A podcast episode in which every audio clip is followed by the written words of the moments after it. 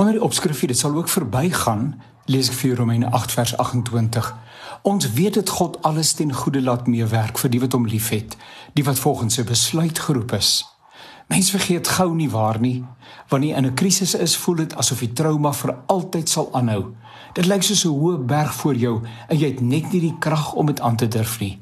Dan wonderbaarlik kyk jy eendag terug en jy wonder, hoe het ek die krisis oorleef? Die enigste antwoord wat sin maak is dat die Here jou gehelp het. Die psalmdigter sê dieselfde. Hy sê as die Here ons nie gehelp het nie, dit moet Israel bely. As die Here ons nie gehelp het nie, toe mense ons aangeval het, dan het hulle ons lewendig verslind toe hulle woede teen ons ontvlam het. Lees gerus die aangrypende Psalm, Psalm 124. Psalm 127 sê: As die Here my nie gehelp het nie, was die stilte van die graf seker al my tuiste. Dit is die opmerklike van ons swaar kry. Dit hou nie vir altyd aan nie.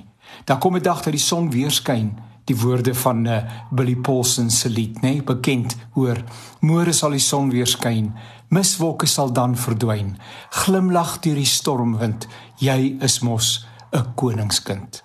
Op 'n ander plek getuig die digter in Psalm 30 vers 6: Waarlik, sy toorn duur net 'n oomblik, maar sy goedheid lewenslank. Gisteraand was daar nog trane en vanmôre lag ek al weer. Ek weet nie wat jou konteks vandag is nie, maar die Here weet. Ek ken jou nie, maar die Here ken jou. Ek kan jou nie help nie, maar hy kan.